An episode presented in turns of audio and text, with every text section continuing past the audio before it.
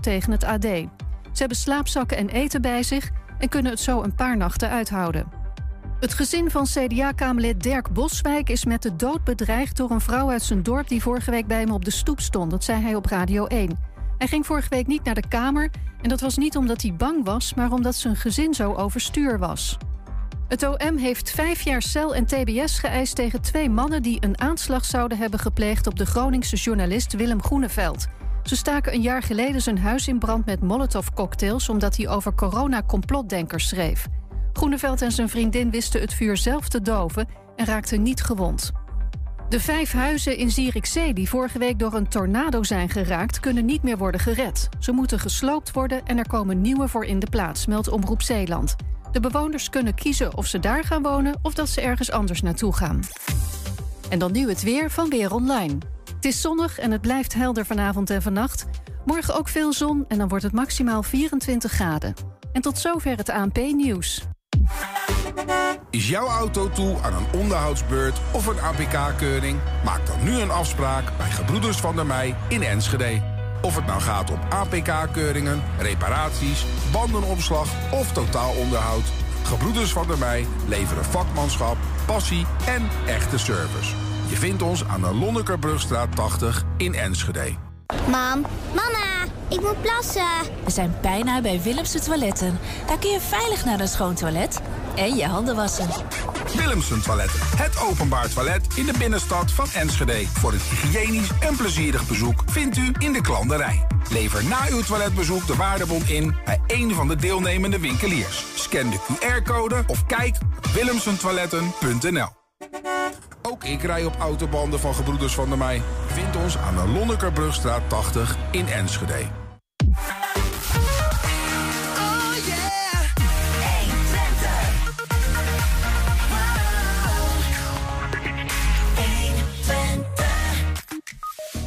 Raadslid Abby Gomez van GroenLinks pleit voor een viering van Ketty Kotti in Hengelo. Vier avonden achter elkaar liepen tientallen mensen 2 tot 5 kilometer in een avondvierdaagse voor mensen met niet aangeboren hersenletsel. FC Twente heeft ook de tweede oefenwedstrijd van de voorbereiding gewonnen. Maar wat gebeurde er nog meer rondom de Tukkers? Een nieuwe editie van In Depot met deze week de Klepperaar. Het is maandag 4 juli. Dit is 120 vandaag.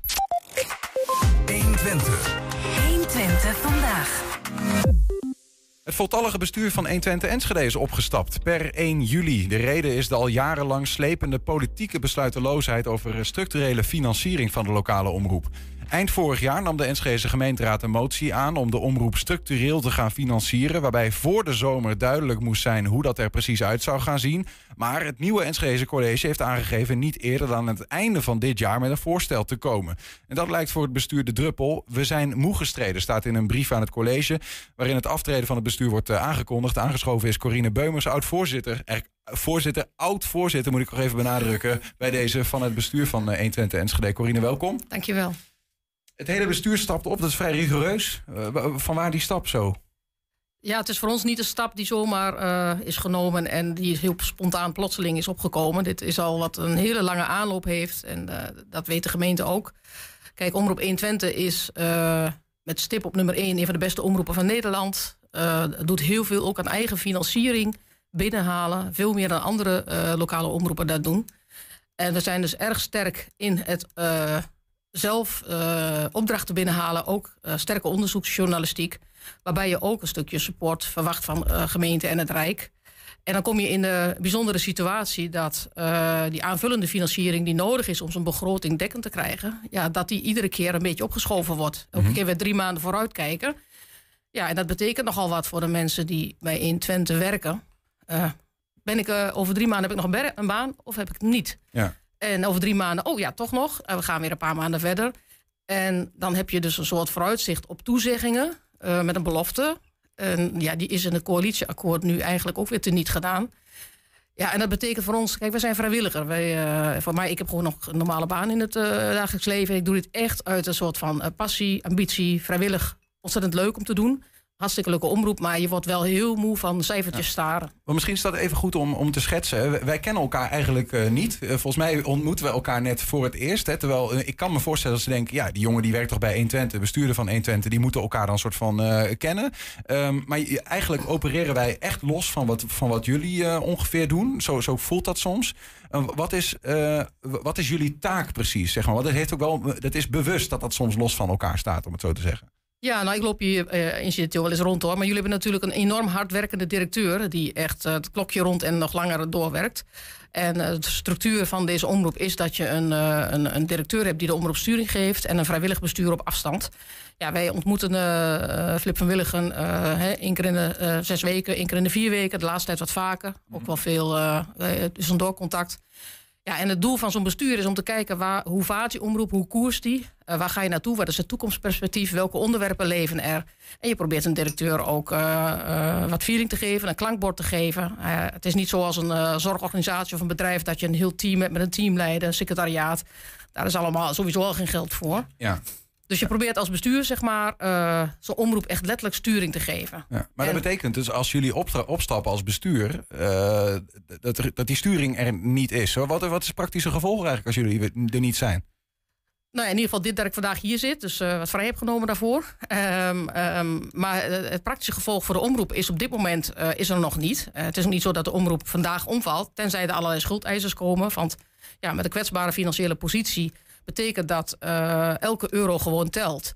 En eh, als een andere het stokje over wil nemen, nou meld je van harte. Maar wij hebben natuurlijk dit al heel lang gedaan. En ik niet alleen, we hebben natuurlijk diverse andere bestuursleden eh, waarmee we dat samen doen. En ehm, ja, wat de plezier is er ook gewoon uit. Ja, en dat betekent dat eh, nu in de nadagen wat praktische zakelijke dingen zijn. En we laten Flip niet zomaar in de steek. Dus we kijken gewoon wat wel kan. Op deze manier vinden wij het ook onverantwoord. Het is niet zo dat we niet, niet alleen niet willen, maar we kunnen niet. Als je goed bestuur geeft, dan kijk je naar een eh, langere tijd dat je liquiditeit hebt om eh, Genoeg geld? genoeg geld op de bank betekent dat dat je in ieder geval over het jaar heen kan kijken of een minimale maand of zes vooruit, een maand of zeven vooruit, maar dan ook met een stip op de horizon dat je weet dat er iets komt. Elke welwillende zorgorganisatie die subsidieafhankelijk is, weet op enig moment dat hij, dat hij iets krijgt, zeg maar, of dat weet waar hij aan toe is. Ja.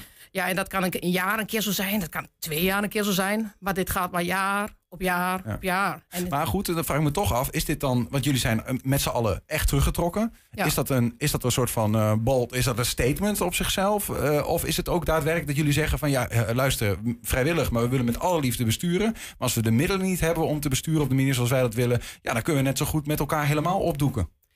Nou, dat zo stellig wil ik dat niet maken. Als je vraagt, dit is geen statement, het is echt authentiek. Kijk, het feit dat je een mediabedrijf bent en dat daar mediareuring komt... en dat, eh, hè, dat er in de politiek vragen gesteld worden, dat is alleen maar goed. Maar wij zijn gewoon echt moe. Ik ben er ook echt klaar mee. Ik ben er helemaal zat van. Je wilt op deze manier, zeg maar, kun je geen bestuur zijn. Ook omdat je al... We hebben al, al heel veel brieven geschreven, er zitten heel veel uren in... waarin we ook soms de omroep moeten verdedigen. Hè. Er is ook nog een soort onderzoek, een, waarde, een maatschappelijk waardeonderzoek is er geweest. Nou, we hebben zelf een propositie gemaakt. Je ziet gewoon hoe sterk de omroep en hoe belangrijk die is...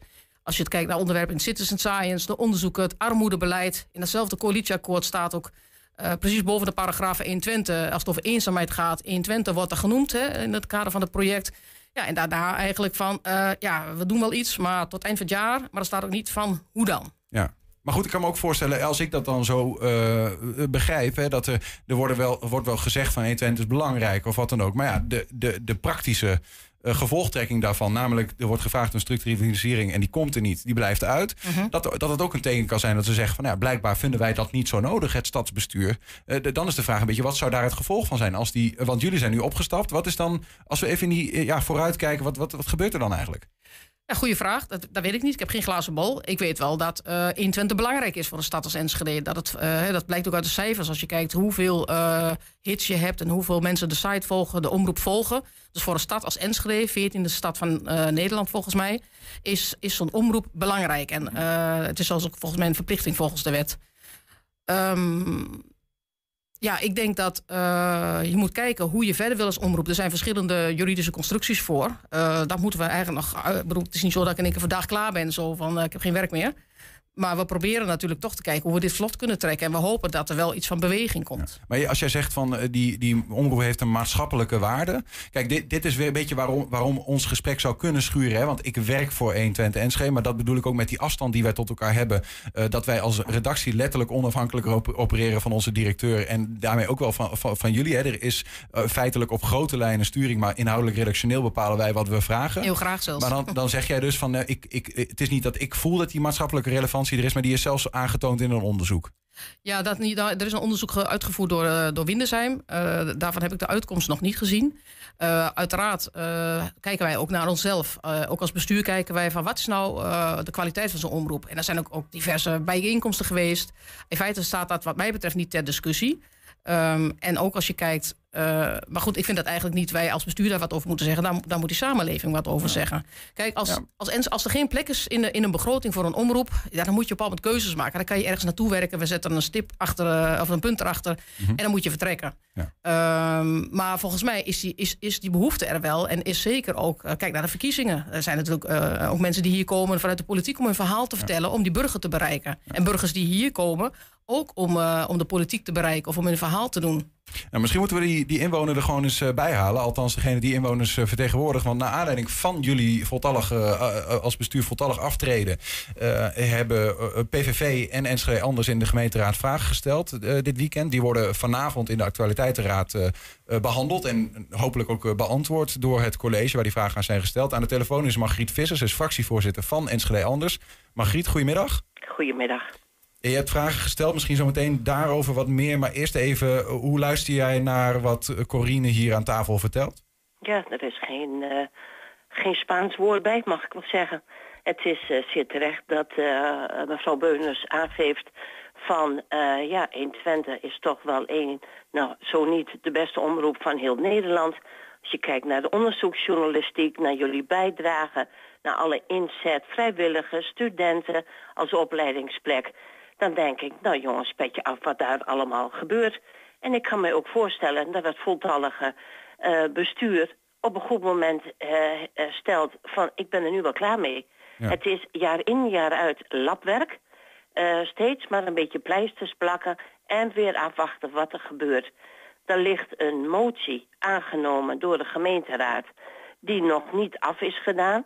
Waar wij heel duidelijk hebben gezegd, beste college, kom gewoon met nieuw beleid en een financieel voorstel voor de nieuwe raad voor de financiering van uh, 21. Ja, die, die motie die is eind vorig jaar uh, door jullie uh, als raad aangenomen. En er zou dan ja. deze zomer, het, tenminste, er stond voor de zomernota. En daar, ja. zit, daar wringt het ook een beetje, omdat er geen zomernota is. maar goed, je zou zeggen, voor de zomer zou er een soort van plan vanuit het college moeten komen met van hoe gaan we nou die omroep structureel financieren? En wat, hoeveel geld moet daar wat ons betreft tegenover staan? Ja, en als we ook vanavond gaan zitten op het woordje zomernota ja, dat zijn van die politieke spelletjes, woordspelletjes. Ja. Daar moet je bij ons al helemaal niet meer aankomen. Ja. Want iedereen weet nu, er is geen zomernota. We hebben vanavond wel de tussenrapportage. Dus dit moet gewoon opgelost worden. Hoe kan het nou eigenlijk, Margriet, dat, dat, want dit speelt al, heb ik uh, vandaag even nagevraagd, sinds de oprichting van deze omroep als stichting, dat is in 2007 gebeurd, uh, is het al de vraag om die structurele en, en die vooral de laatste jaren heb ik ook wel eens zijdelings meegekregen, gelukkig niet al te veel, maar dat het, dat het een soort van de hele tijd, dat er maar een soort van, lijkt alsof die hete aardappel vooruit wordt geschoven. De, de lokale politiek, als in de volksvertegenwoordigers, die willen wel wat, uh, en, en lijkt soms het college ook wel, die erkent ook wel van, ja, het is wel waardevol of zo, maar, maar toch gebeurt er niks hoe kan dat eigenlijk? Ja, ik denk dat het toch, laten we het gewoon maar uh, benoemen... dat toch een aantal partijen de moeite mee hebben... om jullie structureel een, een bedrag toe te gaan kennen. Zo nu en dan een labmiddel, dat zie ik dan elke keer wel weer gebeuren. Maar nu ook dat je zegt van, nou, we houden 1 Twente overeind tot 1 januari 2023. Ja, ja zo, kun je, zo kun je geen goede bedrijfsvoering doen. Dan denk ik, je wilt toch weten waar je aan toe bent op het duur. En dat moet nu ook gewoon eens een keer klip en klaar naar uh, voren komen. En niet meer dit gedoe jaar in, jaar uit. Maar weet jij dat, want dan zeg je van ja, uh, ze vinden ons niet lief als mensen of als personen. Want uiteindelijk, hè, we horen hier net van, ja, we krijgen blijkbaar wel eens een prijs. Er is een maatschappelijk, of er is zelfs een onafhankelijk onderzoek gedaan naar onze maatschappelijke relevantie. Wat maakt dan dat uiteindelijk, uh, ja, dat, dat er niet over de brug wordt gekomen? Ehm, het is een aanname wat ik zeg, maar het eerste gevoel wat, wat bij ons oproept is toch wel... jullie hebben uitstekende onderzoeksjournalistiek. Jullie hebben prachtige bijdrages geleverd aan het onderzoek over armoede. Alle knelpunten, ik zeg maar wat, casus Ades. Nou ja, zo kun je van alles verzinnen. Uh, eerlijk gezegd, wij zijn ontzettend blij dat die uh, poot echt heel goed op wordt gepakt qua onderzoeksjournalistiek. En je hebt gewoon een pers nodig wat de luis in de, pers, uh, in, in de pels is. Ja, dus ik zou zeggen, best college en politieke partijen, koester dat maar. En uh, ja, zie gewoon dit soort uh, bijdragers gewoon als een cadeautje. Ja. Daar leer je van. Maar goed, de, de vraag was eigenlijk, Margriet, wat, wat maakt nou dat dat niet gebeurt? Of heb je daar uiteindelijk echt geen idee over? Ik zeg. Misschien hebben ze er wel te veel last van.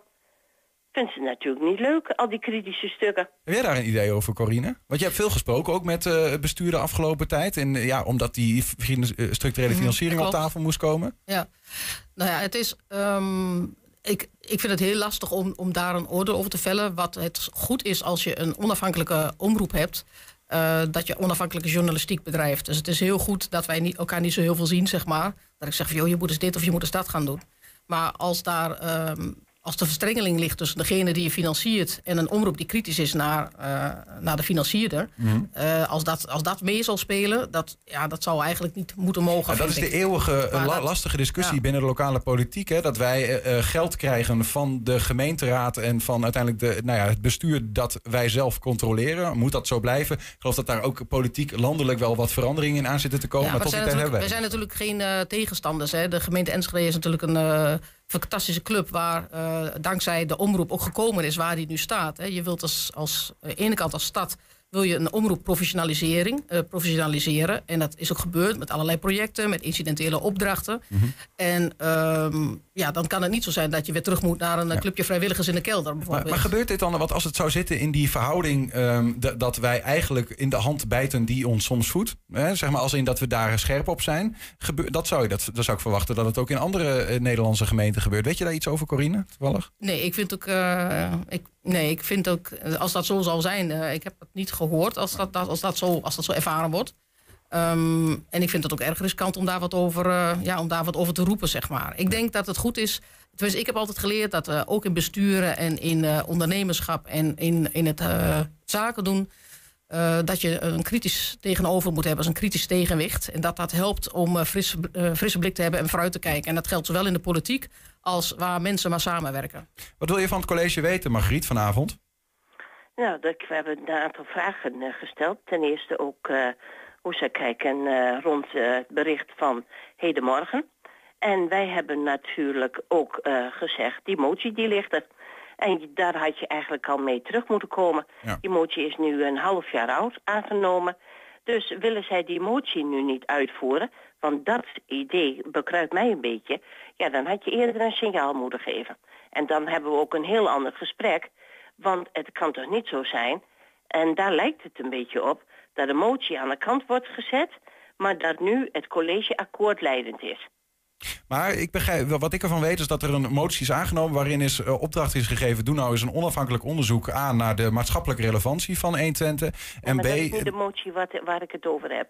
Ik heb over de motie, want we zijn op 21 december 2021 een aantal moties uh, ingediend. Mm -hmm waaronder de maatschappelijke relevantie. Mm -hmm. Waar ik het over heb, is de motie om een, uh, naar een duurzame lokale journalistieke inzet van oproep 120 te komen. Ja. En daar staat onder andere de opdracht bij om voor de zomernota 2022 met een nieuw beleid en een financieel voorstel naar ja. de raad te komen, nieuwe raad in dit geval, ja. voor en... duurzame structurele financiering van 120. En daar hebben jullie nog niks van gezien, daar ga je naar vragen vanavond. Uh, en die motie is niet afgedaan. Corine, wat was er voor jullie eigenlijk nodig geweest, of wat is er nodig om wel aan te blijven als bestuur? Wat, wat, wanneer is het um, goed, om het zo te zeggen? Ja, wanneer, uh, we weten ook niet waar we, sowieso nog steeds niet waar we aan toe zijn. Zelfs voor dit jaar, hè, er staat wel in van tot en met dit jaar. Maar of daar al een bedrag aan hangt en of het daarvan kan, dat is, dat is ook maar de vraag. Uh, dus in ieder geval het uh, uh, aangeven dat, dat we als omroep niet dat, we niet, dat ze ons niet laten vervallen.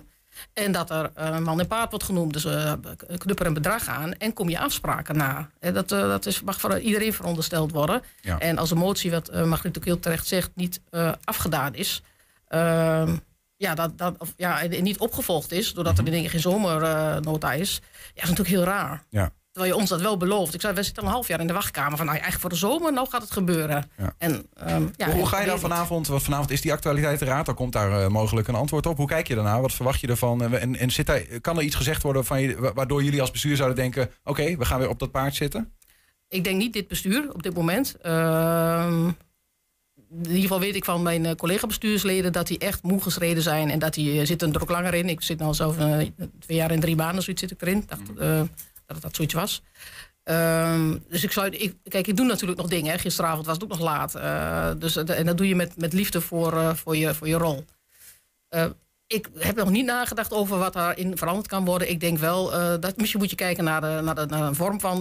dat je naar een omroep gaat met een, met een directeur-bestuurder... en een raad van toezichtmodel. Er zijn verschillende modellen voor, wat je zou kunnen overwegen. En je moet kijken of er mensen zijn die, in, ja, die op die trein willen stappen. We gaan het meemaken. In ieder geval vanavond is eerst die actualiteitenraad. Um, ja, Margriet, wat verwacht jij er zelf van? Nou, ze moeten antwoorden. En naar aanleiding van de antwoorden hebben we altijd de gelegenheid om nog even door te vragen. En terecht dat mevrouw Beumers ook zegt van... ze zeggen wel, we willen tot 1 januari 2023. Maar ja, wat voor bedragen praten we dan over? Laat ze maar een beetje duidelijkheid geven vanavond. Corine Beumers was bij ons oud-voorzitter, dus nu van, uh, direct, uh, van het bestuur van uh, 120. En Margriet Visser aan de lijn, raadslid voor Enschede. Anders gaat vanavond dus, althans heeft al vragen gesteld. En die gaan vanavond beantwoord zien worden in de actualiteitenraad. dank beiden. Graag gedaan. Fijne avond. Dag. Fijne avond. Zometeen raadslid Abby Gomez van GroenLinks pleit voor een viering van Kitty Kotti in Hengelo. Ja, we zijn ook als podcast te luisteren via alle bekende platforms. Je vindt daar de hele uitzendingen en elke dag één item uitgelicht. 120. 120 vandaag. Ja, FC Twente heeft ook de tweede oefenwedstrijd van de voorbereiding gewonnen. Op het complex van GFC Goor werd gisteren met 1-0 gewonnen van het Deense Noord-Sjælland. Dankzij een vroege treffer van nieuwkomer Sam Stein. Hij heeft echt een neusje om steeds op de goede plek te staan. Uh, is heel vaak in de 16. Dit was denk ik net buiten de 16. Maar ja, de keeper verwerkt hem slecht en hij schiet hem echt uh, uitstekend in. En daarna had hij eigenlijk nog een bal van dichtbij, uh, die schoot hij over. Maar die had hij eigenlijk ook binnen moeten schieten. Maar dat is echt Sam Stein en die maakt een prima indruk de eerste weken. Wat zijn de punten vandaag waarvan je echt zegt... ja, daar was ik heel tevreden over. En waar denk je, hey, hadden misschien nog wel wat kansjes meer in gemogen? Of... Uh, voetballend, uh, eerste kwartier uitstekend. Uh, het druk zetten de eerste kwartier gewoon heel goed. Zag je dat uh, echt aan het kijken was en moeite had met hoe weinig tijd ze aan de bal hadden. Ehm, ja, onvoldoende. Ik vind dat wij over de hele wedstrijd toch wel drie doelpunten hadden moeten maken uit de kansen die we hebben gekregen. Ehm, dus dat is zeker voor verbetering vatbaar. En dat geldt ook voor het uh, veldspel in, in de middenfase van de eerste helft. En, en, wel grote fases in de tweede helft, vind ik. Met al. Dus hier hebben jullie wel wat aan, laat ik zo zeggen. Nee, dit, dit is echt uh, enorm nuttig. En uh, eigenlijk de, deze wedstrijd bevestigt wel, we zijn nu twee weken bezig. En uh, het moet nog niet klaar zijn. En dat kunnen we enorm verbeteren. En iedereen krijgt nu ook de kans om zich te laten zien eigenlijk. Ja, en dat wordt straks ook, hè, dat gaat ook van groot naar klein. Dat de eerste iedereen speelt. En daarna ja, zullen anderen ook, zeg maar, ja, la langer gaan spelen. Maar dat, dat zal de toekomst zal dat, uitwijzen. Ja, Ron Jans hoorde je dus uh, naar aanleiding van die wedstrijd gisteren tegen Noord-Shelland. 1-0 werd het daar. Aangeschoven is inmiddels uh, collega Marley Wielens. Uh, jij was daar gisteren bij, althans. jij hebt ook dit interview geschoten, dus ik neem aan dat je erbij was. Ik was erbij, ja. ja wat, wat valt er over die wedstrijd te vertellen? Nou ja, ik, ik weet niet of je mee hebt gekeken, hè, maar dat doelpunt van Sam Stein, dat was zijn eerste in de Twentse dienst. Ja, dat was wel een mooie. Heb je hem gezien? Of uh, was je ik, niet aan het opletten? Het, het was hier uh, een kakofonie van geluid. Ik moest ja, maar je hebt hem toch dit weekend al wel gezien, dus Niels? Ik, nou, ik moet heel eerlijk zeggen, een echte FC Twente-watcher ben ik niet. Dus uh, af en toe zie ik wat, maar nee. Maar vertel, okay. Sam Stein is een nieuweling. ja, die is afgelopen zomer overgekomen van ADO. Um, was eigenlijk begin van het jaar al wel bekend dat hij zou komen. Maar ja, nu is natuurlijk de voorbereiding op het nieuwe seizoen begonnen met Twente. Dus eh, ja, hij is eigenlijk vanaf begin af aan eh, al wel bij. Een paar Mhm. dagjes later dan de rest, omdat hij met ADO nog na competitie had gespeeld. En eh, ja, dit is dus eigenlijk zijn tweede wedstrijd. En met een heel mooi doelpunt nu meteen. Er waren meer nieuwelingen bij, geloof ik, hè, gisteren. Dat heb ik dan wel weer gezien.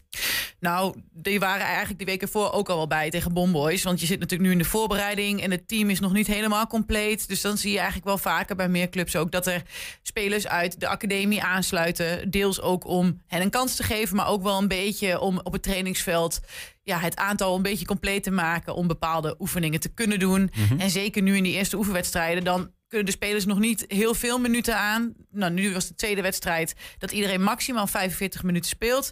En dan, eh, eh, ja, dan zie je dus dat die jongens wel nodig zijn om er gewoon 11 op het veld te krijgen. Laten we het zo zeggen. Een Ja. van die jongens die, de, die er gisteren eh, ook weer een, hal- een helft bij was, tot volgens mij zijn eigen verbazing, is een echte, een ras-echte Enschedeer FC Twente speler. Ja, dat is wel een leuk verhaal. Sam Karsies is een keeper uit de academie. Eigenlijk bij onder 21. Vorig jaar mocht hij ehm, al aansluiten op een gegeven moment op het trainingsveld bij het eerste. Je zag ook eh, toen Ennio van der Gouw, toen nog derde keeper vorig seizoen, eh, geblesseerd raakte. Dat hij bij de laatste paar wedstrijden, pin me er niet op vast, laatste drie of zo, stond hij op het wedstrijdformulier. En eh, nou ja, die zit dus nu in de voorbereiding ook bij. Want de andere twee reservekeepers zijn vertrokken. Er is één keeper weer voor teruggekomen. Dat is Titon, dat is een ervaren keeper. Oenestal is gebleven. En eh Karsies was er dus bij. En toen vorige week tegen Bomboys, toen speelde Oenestal dus niet. Maar dat was heel bewust, omdat eh, Jans dacht... ja, tegen Bomboys, met alle respect... krijgen wij waarschijnlijk niet zo heel veel te doen. En dan is dat een uitgelezen mogelijkheid... om die jongen ook eens echt minuten te laten Voelen maken. hoe het is om in het eh, doel te staan. Ja, en dan was het eigenlijk Bij de bedoeling ja, dat dan daarna in de voorbereiding Titon en Oenestal zeg maar, de wedstrijden gaan spelen. Eh, nu heeft Titon eh, corona eh, opgelopen, coronabesmetting, dus die, ja, die moet in quarantaine.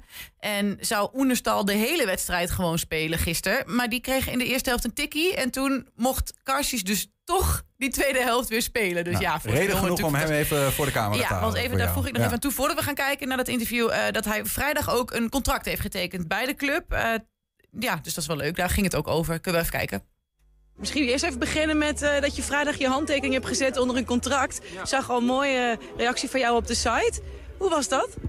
Ja, het is echt na zo hard werken is het echt een hele mooie beloning dat je de kans krijgt om je twee jaar te bewijzen en dat je daar een contract voor mag tekenen. Het is echt geweldig, enorm trots, echt heel trots.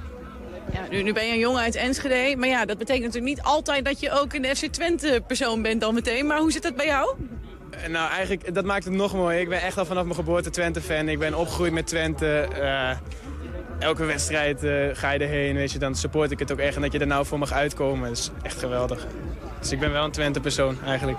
Ja, ja, je loopt ook al wel even bij de club in de academie rond, toch? Ja, nu 12, 11, 12 jaar nu. Elk team doorlopen en eh, wat ik zeg, dat je nou dan naar het eerste mag en daar een contract mag tekenen. Ja, het is echt, echt heel dankbaar. Ja, hoe de situatie nu bij het eerste is. Jeffrey de Lange en eh, Van der Gouw zijn vertrokken.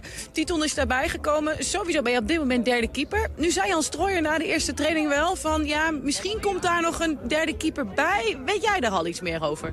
Eh, op dit moment niet, daar weet ik niks over. Maar eh, het, gaat, het is een beetje omdat Titon en Lars zijn natuurlijk oud. Ja, nou, nou, trouwens, nee, nee, oud. 30 plus ervaren, heel ervaren. En als je er dan een, eh, een 19-jarige keeper achter hebt, dan, eh, dan is het een heel groot gat, zeg maar. Dus Titon is 35 en dan ben ik 19, dus dat gat willen ze opvullen. Maar wat eh, Jan Strooik zei, er zit geen haast bij. En vandaag heb ik goed laten zien volgens mij dat, dat ik misschien ook wel een potentiële goede derde keeper zou kunnen zijn.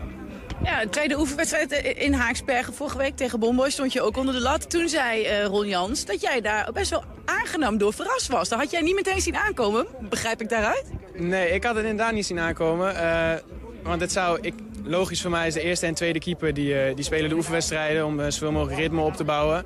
Maar donderdag kwam Sander Bosker die kwam naar me toe en die zegt je gaat de tweede helft spelen. Dus ik, ik was heel verrast eigenlijk. We waren op het, op het trainingscomplex en ik, sindsdien had ik abnormaal veel zin in. En natuurlijk is het, eh, het is tegen Bomboys. Het is natuurlijk een amateurclub, maar zo'n eh, event als daar met zoveel mensen, ja, met eh, Twente op de borst, ja, het is goud. Het is echt heel mooi. Ja, dan was het niet meteen de bedoeling dat je vandaag weer zou staan. Maar ja, er kan altijd wat gebeuren. Wanneer hoorde je dat je dan vandaag alsnog weer mocht spelen? Nou, dat werd eigenlijk... einde van de week, einde van de werkweek werd het duidelijk. de Titon is positief getest op corona. Dus dan zit er al vrijwel niks meer achter. Ik, dus Lars en ik gingen naar deze wedstrijd. En Lars zou hem helemaal spelen. Maar door een klein momentje in de, in de eerste helft eh, ging hij toch voor de zekerheid eraf in de rust. Ja, we hadden het dus even over dus dan komend seizoen. Dus dan is de bedoeling dat je vooral gewoon bij onder 21 je wedstrijden gaat spelen? Eh, ja, de bedoeling is eh, zoveel mogelijk meetrainen met het eerste. En voor mijn wedstrijdritme zoveel mogelijk spelen bij de onder 21. Om wel wedstrijdritme te behouden. Dus dat is het plan. Meetrainen met het eerste heel veel en zo waar mogelijk spelen bij onder 21. Hoe eh, vind je dat je het gedaan hebt vandaag? Het ging wel lekker. Ik zat er lekker in. En eh gelijk eerste hoge bal, eh, klem vast. Eh meevoetballen ging prima. Nog een, eh, nog een één op één redding. Dus eh, ik, ben, eh, ik ben tevreden. Je krijgt meer te doen dan vorige week, denk ik. Een stuk meer, eigenlijk. Ja, mooi. Sam Karsies profiteert daar toch van eh, de ouden. Ja, en, en ook leuk, want het is echt een jongen uit Enschede, geboren, getogen. eh, heeft bij Victoria of zo, geloof ik, gezeten. Maar is ook echt al van jongs af aan bij de academie. Ja, kijk, hij zegt hij is 19 en hij speelt al 11 jaar bij FC Twente. of Ja, zo. Wat dus zegt echt hij nou? vanaf de eetjes of zo daar Ja, begonnen. Echt een, ook een FC Twente persoon noemden we het even. Maar dus, want ja, als je in Enschede geboren bent, betekent natuurlijk niet auto- automatisch dat je ook voor Twente bent. Dat is hij wel. En wat ik heel grappig vond, is dat hij zich eigenlijk een heel klein beetje versprak. Hij wilde zeggen van ja, eh, dat het gat tussen hem en de andere twee dan zo groot is dat de club inderdaad wellicht nog een beetje daartussen wil gaan zitten. En dan zei hij, ja, die zijn oud. En toen dacht hij meteen, oh nee, nu zeg ik iets wat eh, niet heel aardig overkomt. Dus die zijn ervaren. Dus dat pakte hij ook eigenlijk meteen eh, weer heel mooi op. Ja. Een goede redding, zoals jij vandaag Een goede redding, ja. Een goede redding voor een keeper is een goede redding, ja. Ja. Ehm, Er werd over nog meer eh, gepraat, geloof ik. Want eh Ja. het ging niet alleen over voetbal gisteren. Nee, ja, de, spelen ja, de transfermarkt is nog open. En dan, eh, ja, dan, dan, dan wordt er natuurlijk veel gespeculeerd. En bij Twente gaat het eigenlijk de laatste dagen over twee spelers heel veel. Dus Michel Flap en eh, Joshua Brenet. Flap werd vorig jaar gehuurd al van eh, Anderlecht. Ehm, ging, moest weer terug daar naartoe. Wilde zelf eigenlijk wel heel graag naar Twente. Had het hier heel erg naar zijn zin. Twente wil hem eigenlijk wel graag eh, houden. Maar ja, eh, hij is nog van Anderlecht, dus dan zou hij betaald voor moeten worden. Twente heeft nog steeds niet heel veel geld, zoals iedereen misschien wel weet, of iedereen die de club volgt wel weet.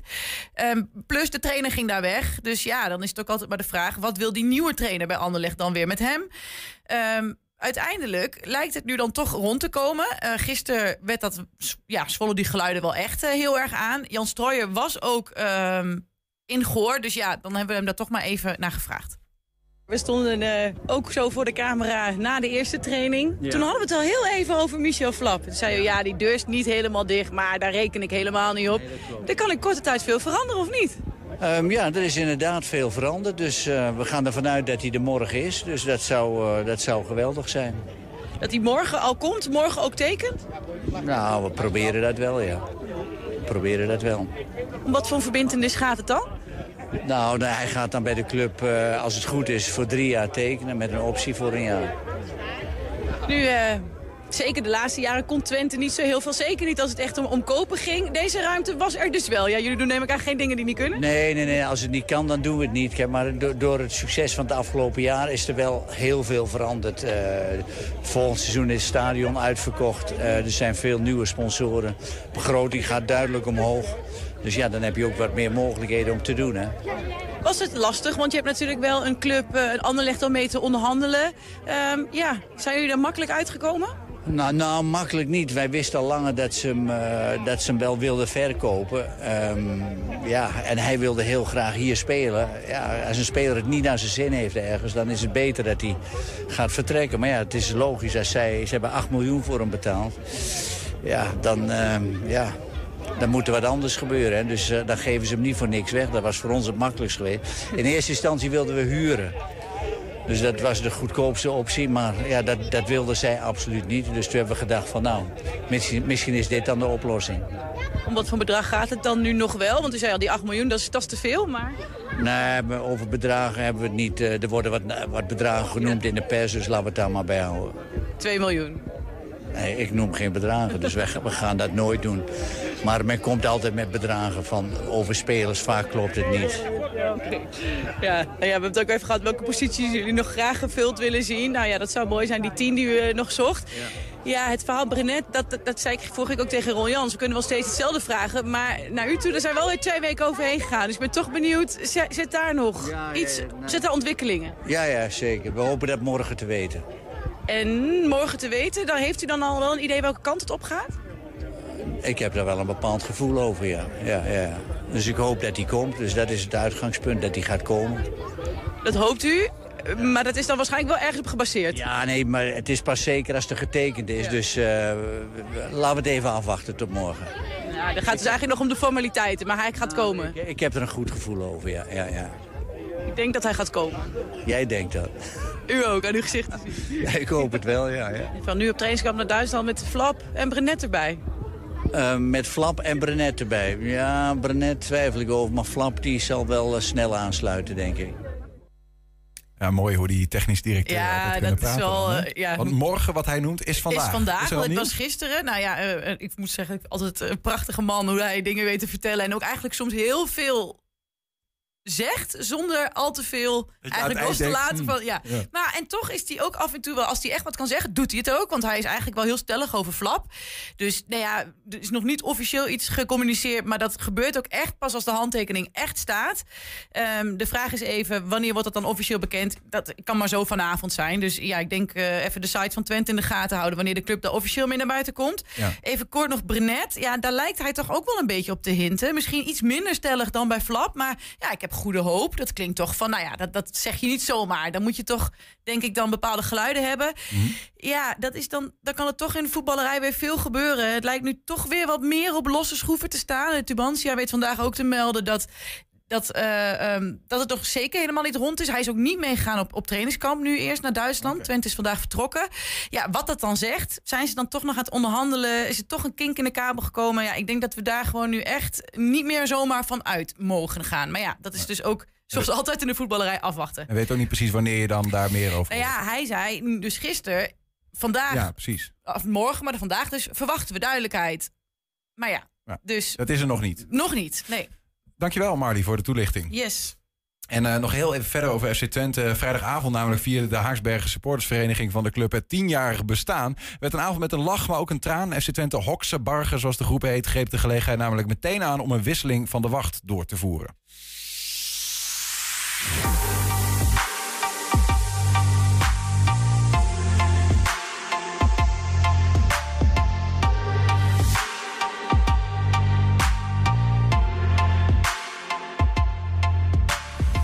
Tien mooie jaren, waar veel gebeurd is. En, uh, maar het zijn uh, tien jaren die dus uh, ja, best van invloed zijn geweest op iedereen. Ook op ons, op de vereniging, op Haaksbergen natuurlijk. En ja, geweldige mijlpaal. het is allemaal begonnen na de wedstrijd, of na de weekwedstrijd Ajax FC Twente. Of Twente FC Ajax natuurlijk. En dat we de beker gewonnen hebben, zijn we daar naartoe gegaan. En er kwam steeds meer animo van, ja, we willen eigenlijk wel met Haaksbergen iets gaan doen. Een eigen bus, et cetera, of noem maar wat.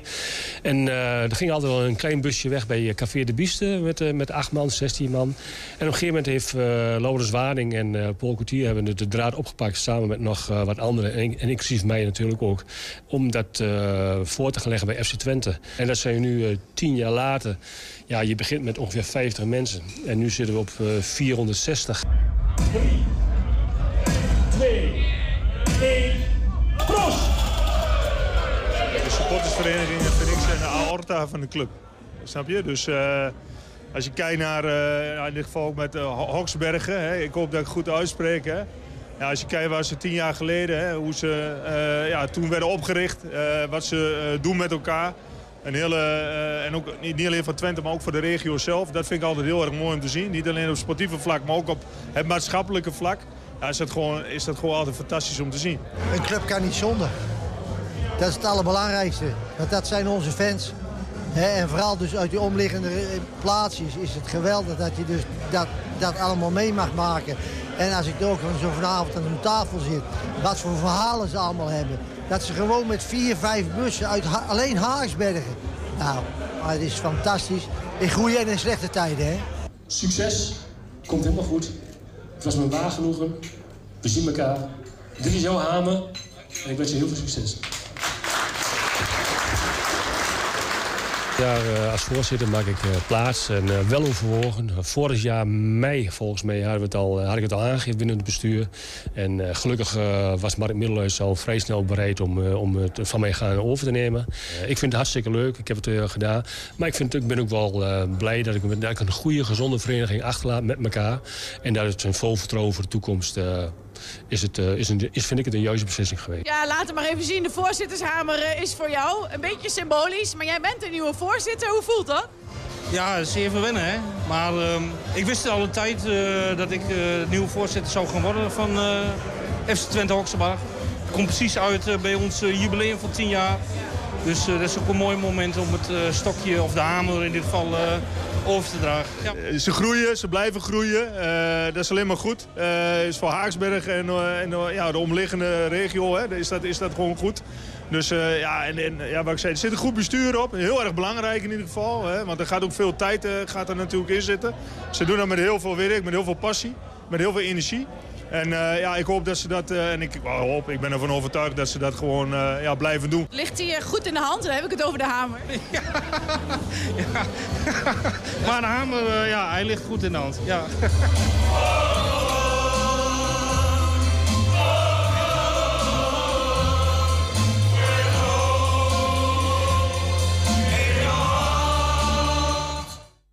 Ja, dat was, eh, dat was dus bij FCT Haksebarg het 10 jaar bestaan.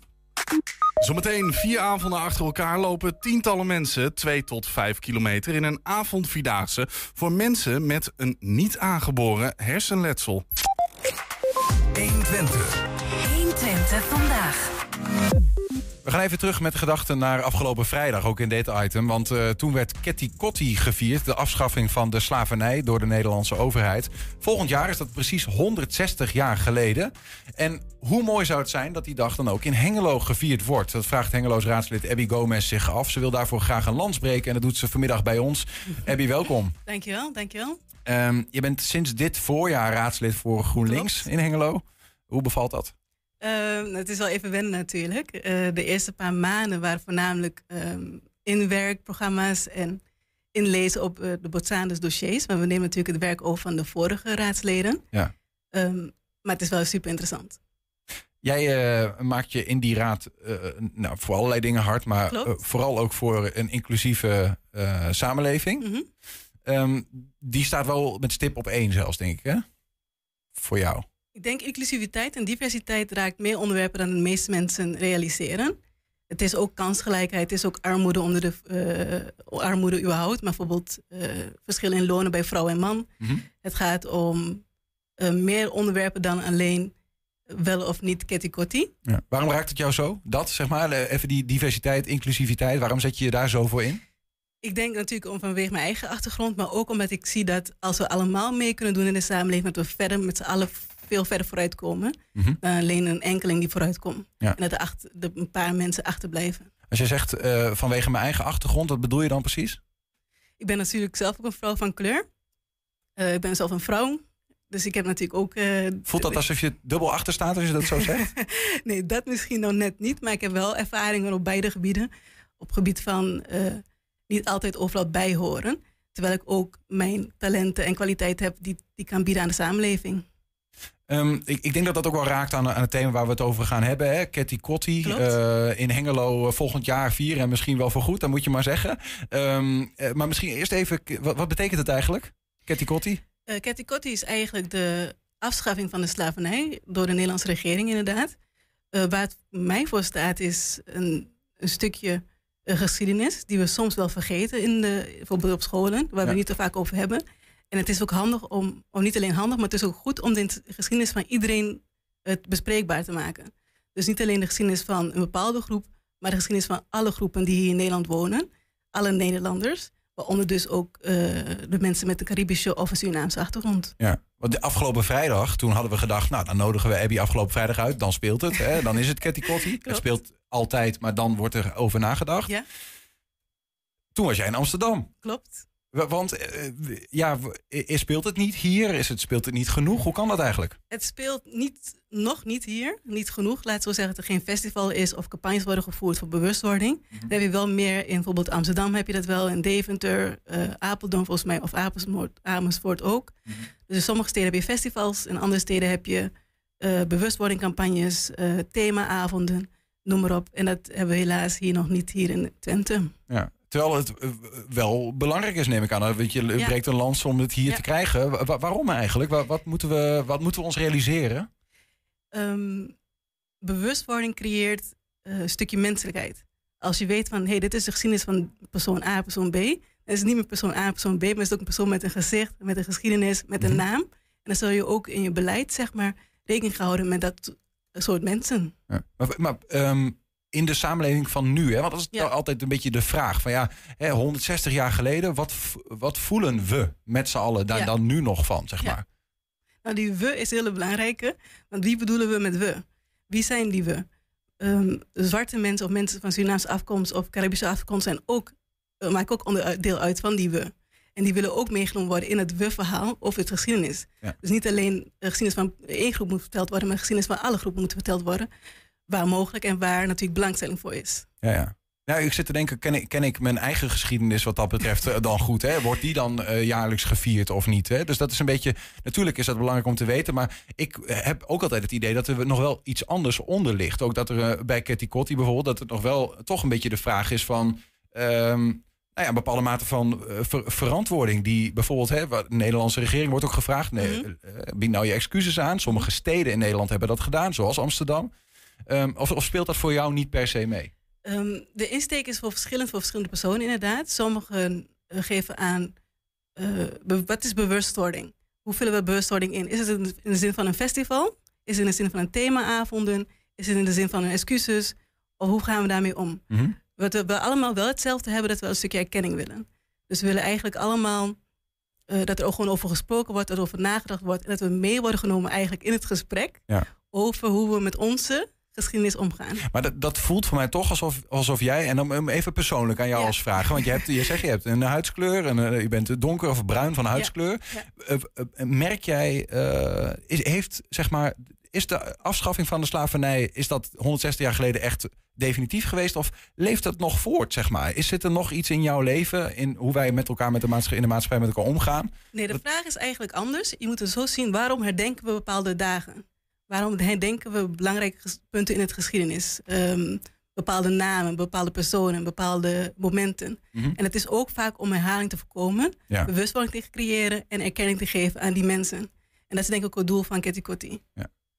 Ik heb ook begrepen dat je hem wat eigenlijk liefst wat breder zou willen Ja, trekken dan, zeker. dan zelfs eh, eh, alleen de in principe de afschaffing, afschaffing van de slavernij zoals we die uit de geschiedenisboeken kennen. Mhm. Misschien te weinig, maar hè, Eh, namelijk dat het ook gaat over ehm, inclusiviteit in bredere zin. Hoe bedoel je dat?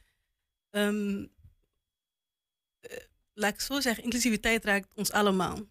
Um, Het gaat ook om mensen met een beperking. Het gaat om mensen die een andere eh, seksualiteit hebben dan de normale gang van zaken, zeg maar, de heteroseksualiteit. Het gaat om vrouw versus man. Het gaat om kinderrechten. En waar ik zo aandacht voor zou willen schenken, is dus dat al deze groepen die eh, soms eh, benaderd worden in de maatschappij, dat we die weer erbij trekken en dus niet meer benadelen en gewoon ook als volwaardig mensen gaan behandelen. Als je het dan hebt over Ketty Kotti Ja. in Hengelo, in Enschede, in Twente, Mhm. zeg maar eens wat. Hè? Volgend jaar, 160 jaar. Wil je even concreet gezegd, zou je dan willen v- dat het dan incidenteel is of elk jaar? En moet dat dan een soort van inclusiviteitsfestival worden, waar voor iedereen, laat ik zo zeggen. Goeie vraag. Ik zelf zou Kitty Kotti elk jaar willen zien. Ehm, maar natuurlijk wil ik het wel met andere partijen samen overleggen en ook vanuit de burgers. Dus ik wil een soort van burgerparticipatie natuurlijk eh, bij betrekken. En daarbij gaan kijken van wat is er nou de vraag vanuit de samenleving, vanuit Hengelo. En waar is de vraag voor en waar is de behoefte naar? En daar nou op inspelen. Maar dan zou het dus kunnen zijn dat Kitty Kotti niet alleen maar over die eh, slavernij van mensen van Caribische of Surinaamse afkomst gaat. Eh, ehm, of, maar dat het ook breder, breder gaat dan dat. Nee, ik doe het eigenlijk anders. Ik zou een, bijvoorbeeld een, een werkgroep willen starten of iets dergelijks. Waarbij dus meer initiatieven komen voor meerdere bevolkingsgroepen eh, waar vraag voor is. Dus het kan dus een ketikotti zijn, maar het kan dus ook andere initiatieven zijn. Ehm, hoeft dus niet per se dat, eh, om, dat de ketikotti opeens ook voor mensen van de LGBTQ-gemeenschap moet gaan worden. Nee, de LGBTQ-gemeenschap heeft misschien een andere vraag, andere behoefte. Eh, de Pride Month moet misschien meer, die net afgesloten is trouwens, meer gevierd worden of meer uitbondig, meer aandacht worden besteed. Laten we die mensen ook een eigen plekje geven en Ja. ook een aandacht geven. En daarvoor, om, om die geluiden te, ja, eigenlijk te horen in Hengelo, wil jij in de eerste instantie in de ge- gemeenteraad zelf een inclusiviteitswerkgroep eh, Ja. opzetten, toch? Ja, dat zou ik wel heel mooi vinden inderdaad. Hoe gaat het daarmee? Heb je al raadsleden bereid gevonden om dat eh, te gaan doen? Nou, wat ik wel hoor en weet is dat er inclusiviteit meer raadsleden raakt dan alleen GroenLinks. Ehm, dus ook in de andere raadsleden en andere fracties speelt dit onderwerp ook. Mhm. Er staat zelfs in het coalitieprogramma staat er een alinea over inclusiviteit. Dus de college zelf heeft aangegeven dat ze dit ook een belangrijk onderwerp vinden. En eh, waar ik dus mee wil bemoeien is dat het ook actief wordt gezet in daden en niet alleen blijft in woorden. Ja, en dus je, je gaat eh, van elke fractie iemand benaderen om samen een... Ja, het liefst zou ik natuurlijk willen dat alle fracties meedoen. Want zoals ik al zei, inclusiviteit raakt ons allemaal. Ehm, maar goed, ik ga niemand dwingen. Dus al- alleen de linkspartij voor mee willen doen, ook goed. Ja. Maar ik wil wel eigenlijk een raadsbrede eh, gedragen werkgroep. En mocht het niet tot een werkgroep leiden, dan nog wil ik dat bijvoorbeeld als we initiatieven uitbrengen, dat we daar samenwerking op zoeken tussen de fracties. En dat het dus eh, gezamenlijke, vanuit het volk, vanuit de uh, raadsinitiatieven naar voren komen. Ja, en met jezelf of eventueel een werkgroep ga je dus die antennes in de samenleving eh, eh, plaatsen van oké, eh, als het er? gaat om die LGBT plus of als het gaat om mensen met een beperking of wat dan ook, Precies. voelen ze zich genoeg eh, Betrokken. onderdeel van het geheel. Klopt, maar, en ook niet alleen of ze betrokken voelen, ze, maar ook kijken waar ze dan ook benaderd worden. En of die oplossing op lokaal niveau kunnen aanpassen, aanpakken. Dus gaat het om bijvoorbeeld kansongelijkheid in het onderwijs, kunnen we daar wat mee? Gaat het om de LGBTQ-gemeenschap die wat eh, problemen ondervindt, geweldproblemen, noem maar op. Ja. Wat kunnen we daar wat mee? Dus het is niet alleen een kwestie van voelen. Dit is niet alleen een feestdag, het is niet altijd alleen dat. Het is ook echt daadwerkelijke Uitvoeren. oplossing. Ja, Precies. uitvoeringen. Ehm, wat misschien wel vooral gaat om voelen, dan tot slot even terug naar Kitty Kotti volgend jaar in Hengelo. Want ja, uiteindelijk ja, is dat een eh, soort van gezamenlijke beleving, denk ik, wat je vooral hebt. Dat is, er worden geen oplossingen op dat moment aangevoerd, Nee. maar meer een gezamenlijk beleven. Precies. Hoe, hoe zou dat er concreet uitzien wat jou betreft? Ketty Kotti? Ja? Ehm, voor mij betreft een, eh, een soort van feestdag met eh, festivals, muziek, lekker eten, tentjes die bepaalde lekkernijen of dingen verkoopt uit de Cariben of uit eh, Suriname. En daarnaast een stukje bewustwording. Dus dat ook een moment wordt eh, genomen om een speech te geven.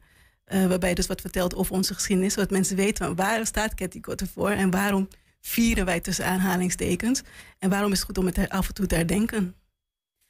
Succes met Yes. die eh, strijd om dat in Hengelo eh, op de kaart te krijgen Ja. volgend jaar. Misschien wel breder in Twente. Ja, ja, het is niet alleen dus, eh, daar wil ik nog wel even Ja. mee eindigen. Het is niet alleen dat als geen Ketty Kotti komt, dan stop ik ermee. Het is niet dat, en daar, dat is ook niet de enige oplossing om überhaupt eh inclusiviteitsprobleem aan te pakken. Mhm. Maar het is denk ik wel een onderdeel van de eh, tools die we hebben om meer bewustwording te creëren over het inclusiviteitsprobleem. Duidelijk. Abby Gomez, dankjewel. en succes voor die, eh, nou ja, de strijd om dat op de kaart te krijgen. Dankjewel. Zometeen een nieuwe editie van In Depot met deze week de Klepperaar. 120. 120 vandaag. Ja, vier avonden achter elkaar liepen tientallen mensen 2 tot 5 kilometer in een avondvierdaagse. Maar niet zomaar één. Het evenement staat volledig in het teken van niet aangeboren hersenletsel. En AH, zoals het ook wel genoemd wordt, is een probleem waarbij mensen functies van hun brein beschadigd hebben. Wij namen een kijkje bij de laatste dag van die vierdaagse. Ja, we, staan hier, eh, ja, we zijn hier buiten bij, eh, bij de laatste dag van de Vierdaagse. Francis, hoe waren de afgelopen dagen voor jou? Ehm, die dagen die waren prachtig. Ehm, je hebt het idee dat je gewoon eh, eh, ergens aan mee kunt doen. Ehm, eh, de andere vierdaagse die zijn allemaal heel, heel lang. En dit is een speciale vierdaagse voor mensen met NAH. Het is gewoon fantastisch. Ik vind het prachtig. Het is... ja, de wegen zijn allemaal goed begaanbaar. Zowel voor rollers of, eh, als voor mensen met een scootmobiel. Eh, mensen zijn allemaal ent- enthousiast. En eh, ja, je, je hebt iets van saamhorigheid. En ja, in één woord fantastisch. Ik hoop dat het volgend jaar echt, echt nog veel groter wordt. En mensen schroom niet. Want iedereen kan hier aan meedoen. Ga je juichend over de finish of vind je ook nog wel een traantje weg dat het voorbij is? Nou, ik ga juichend over de finish. En ik ga juichen als het volgend jaar weer is. Dan, eh, ja, dat vind ik prachtig. Ja. Hoe zijn de afgelopen dagen gegaan? Eh, ontzettend eh, goed. Ik ben overweldigd door het aantal mensen wat mee ging doen. Door de eh, vrijwilligers die je onthielpen. Het is eh, één groot feestje en de blijheid van de mensen die meedoen is echt ongelooflijk. Was dit ook echt nodig dan? Eh, eh, ja, je, je hebt, je hebt niet veel van dit soort dagen. Merk je dan ook dat, dat de mensen hier echt opleven? Ehm, jawel, en mensen die, die praten er ook echt weken van tevoren al over. En ehm, het was echt nodig in de zin van... ehm, we vinden het vooral belangrijk om bekendheid te krijgen... voor niet aangeboren hersenletsel. Eh, dus in dat opzicht was het vooral echt nodig. Eh, en daarnaast natuurlijk gewoon de band die het creëert met mensen. Een doel hebben om ergens naartoe te werken. Ja, Wat zijn de reacties die je de afgelopen dagen hebben ontvangen? Eh, vooral dat mensen heel erg trots op zichzelf zijn. En dat vind ik het mooiste daaraan. Zijn jullie zelf ook trots?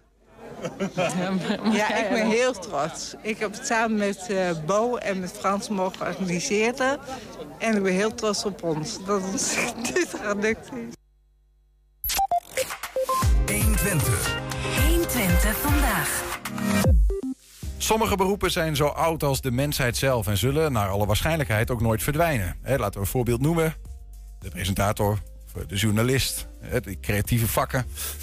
Maar, maar die eeuwige bestaanszekerheid is niet voor alle beroepsgroepen weggelegd. De laatste knipmutsmaaksters uit de laatste in depot is al lang uitgeschorven, eh, uitgestorven. Net als de menhierhouwers, bruggenwachters en palingvissers moet je met een lampje zoeken. In deze aflevering staan Edwin Plokker en collega Ernst Bergboer stil bij zo'n verdwenen fenomeen. Namelijk de laatste Enschedeze, komt-ie, klepperaar.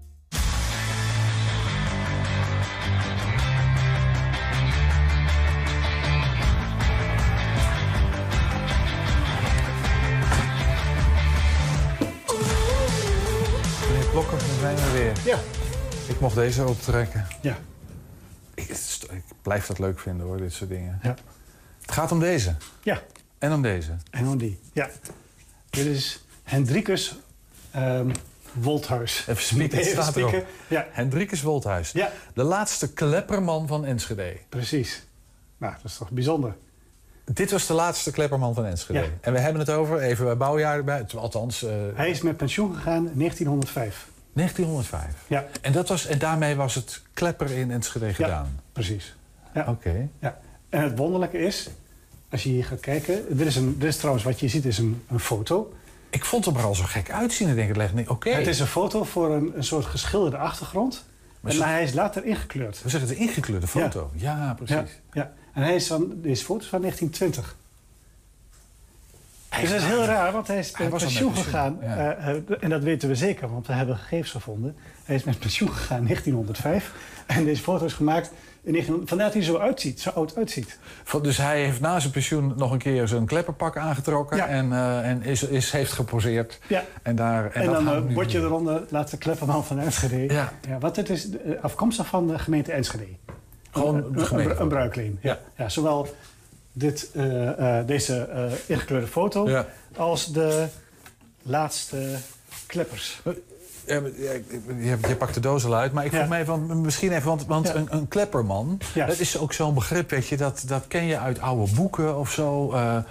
maar wat was een klepperman? Of ga je dat zo aan de hand van dit Ja, vertellen? nou, een, klepperman, dat was... ehm, een soort omroeper, toch? nee, een nachtwaker. Nachtwaker. Ja, het was een, een, een, een, een nachtwaker. Een klepperman was...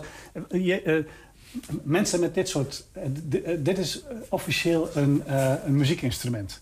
Een klepper. Een klepper. Dit is de klepper. Dat is de klepper. Dus je doet klip, klap, klip. En dat is een muziekinstrument. Ja? De klepperman, dus een, een, nachtwaker, die had dus ook een klepper. Maar je wil, oké. Ik, ik probeer het voor te stellen, lig je s'nachts lekker te slapen, heb je een vent die loopt te klepperen door de straten. Nou ja, de hele uren. En, en op het hele uur, dan eh klepperde die één keer, of elf uur twee keer. En dan eh, twaalf uur drie keer of zo. En dan om één uur weer één keer. En, en dan riep hij ook om van, het is één uur, dat hij... eh, Oké, wat, wat, wat, wat, wat klepperde hij dan? Nou, hij, eh, de, voor, voor, nou, in Enschede, moet ik zeggen, dat verschilde per, per plek. Die hadden ooit een, een schutterij en een, nou ja, een, een, een nachtwacht... die gewoon bewapend eigenlijk door de stad liep. En, Gewoon een en- en- politiemacht. en- de- de- een soort politiemacht. Hè? Dus ja. die de orde keken dat er brand was. En eh, eh, nou, na de stadsbrand, dus 1862, heeft Enschede eh, die hele nachtwacht afgeschaft. En die had gewoon overdag politie en s'avonds hadden ze een klepperman. En die waren heel goedkoop. Eh, het waren vaak ook bijbaantjes. En er waren, ja, volgens mij waren in Enschede een stuk of zes totaal, maar dat is gewoon vier per stad in Enschede eh, rondliepen Ja. ja, om de boel in de gaten te houden. Ja. Hey, en, en dat klepperen was dus een tijdsignaal. Geen alarmsignaal, geen... Ja, en als er op natuurlijk een, eh, brand was, dan kon je, Ja, dan kon je alarm slaan met ding. Dus Ja. dan, eh, dan, dan had je ook een, meteen een, een alarmsignaal. Ik zie het al liggen. Ja, Ja. De kijkertjes thuis nog niet. Maar dit zijn volgens mij dan die kleppers. Ja, dit zijn dan de, de, ook de laatste kleppers van Enschede. Dat ding? Ja, dat, dat, dat ding gewoon, ja. Deze, van, Ja. van, van Hendrikus? Ja, ja, want het is eh, gelijkertijd als bruikleen eh, gekomen. Nou ja, en hoe werkt het dan? Je pakt hem vast en je, en je beweegt zo en dan gaat dit eh, zo. Ik geloof je. Ja. ja. En je hebt er nog één, zie ik. Maar dat zijn, dit, dit zijn de originele kleppers. De laatste kleppers. De, de, Van, de laatste, van ja, het is natuurlijk allemaal hetzelfde, Ja. hetzelfde idee. Ja, bedoel, erg ingewikkeld oh. is het niet om te maken. Hier zit geen asje meer in. Nee. Verder niks ernstigs aan de hand. Ja.